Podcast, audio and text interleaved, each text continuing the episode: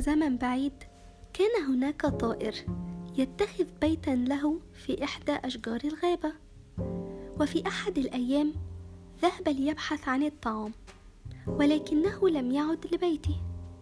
وذات ليلة رأى أرنب بري حفرة فارغة أسفل الشجرة فاتخذ منها مأوى له. وبعد مرور بضعة أيام عاد طائر الدراج وكان قد ذهب إلى مكان يوجد به الكثير من الطعام ليأكله.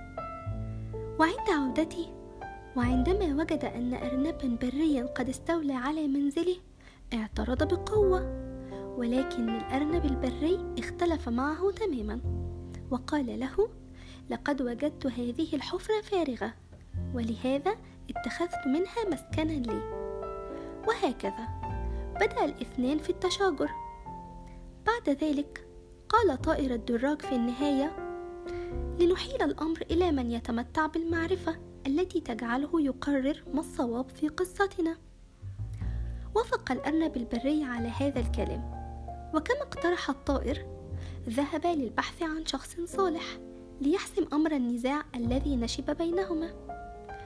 وأثناء ذلك سمع أحد القطط البرية هذا الحوار دون أن يلاحظه المتخاصمان وسريعا ما اتخذ القط مجلسا على ضفاف النهر في مكان واضح متظاهرا بأنه من طالب المعرفة والعلم وحاملا بين مخالبه نباتا مقدسا.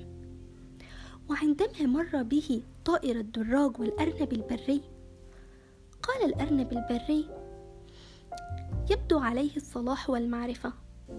لنذهب ونطلب منه النصيحة. بشأن الخلاف الذي نشب بيننا. توجه الأرنب البري بكلامه للقط فقال أيها الصالح لقد نشب بيننا خلاف فهل يمكن أن تساعدنا في حسمه وتسدي إلينا النصح بشأن من صاحب الرأي الصحيح؟ ولو رأيت أن أحدنا قد فعل إثما تستطيع أن تأكله. وهنا رد القط صديقاي لقد ابتعدت تماما عن طريق العنف. إن هجر العنف هو أساس صلاح الشخصية. لن أقوم بإيذاء أي منكما ولكن من فضلكما اقتربا مني لأنني عجوز ولا أستطيع سماعكما.